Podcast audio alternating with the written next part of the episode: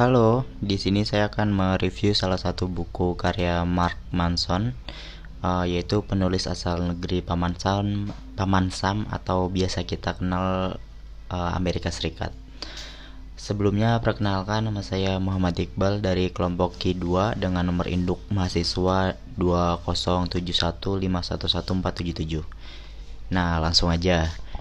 Mungkin kita akan dibuat bingung dan bertanya ketika membaca buku ini memang memang untuk bersikap bodoh amat ada seninya. Memang untuk bersikap bodoh amat itu harus berseni ya. Apa apa sih yang dimaksud Mark Manson dalam buku ini?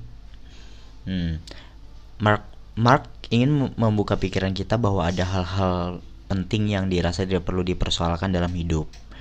Dalam buku bersambul orange ini Mark akan membantu kita untuk lebih cuek pada hal-hal yang kurang penting melalui tiga seni. Nah, Kunci dari sini pertama adalah masa bodoh terhadap segala halangan dan perjuangan dalam mencapai sesuatu yang kita inginkan.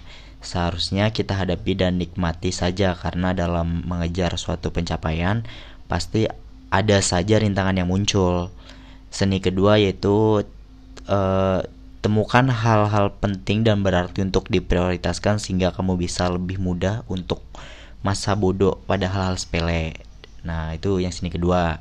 Lalu seni ketiganya yaitu di buku Mark Manson dia bercerita tentang mempertegas seni sebelumnya yakni, nah, yakni kita mulai dapat memilah mana yang lebih penting saat beranjak dewasa walaupun hal penting itu tampak sederhana tetapi kita bisa tetap bahagia dengan kesederhanaan itu Uh, terus Mark Manson di sini dia menuangkan gagasan dan argumentasi dengan lugas dan terstruktur. Tidak lupa dipertegas dengan cerita-cerita tentang pengalaman hidupnya. Mark juga menambahkan sejumlah kisah nyata dari beberapa tokoh yang barangkali belum pernah didengar seperti Charles Bukowski, Dave Mustaine, dan William James. Berbagai analogi yang disajikan Mark, Mark Manson pun mungkin akan membuat para pembaca berkata dalam hati, uh, iya juga ya.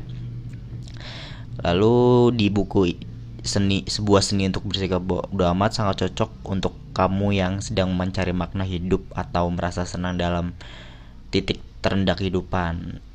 Uh, sedang merasa dalam titik terendah kehidupan. Uh, buku self improvement ini sekiranya dapat menyarankan pandangan kita terhadap segala sesuatu yang lalu lalang dalam kehidupan. Ya itulah. Uh, sekian dari review saya. Terima kasih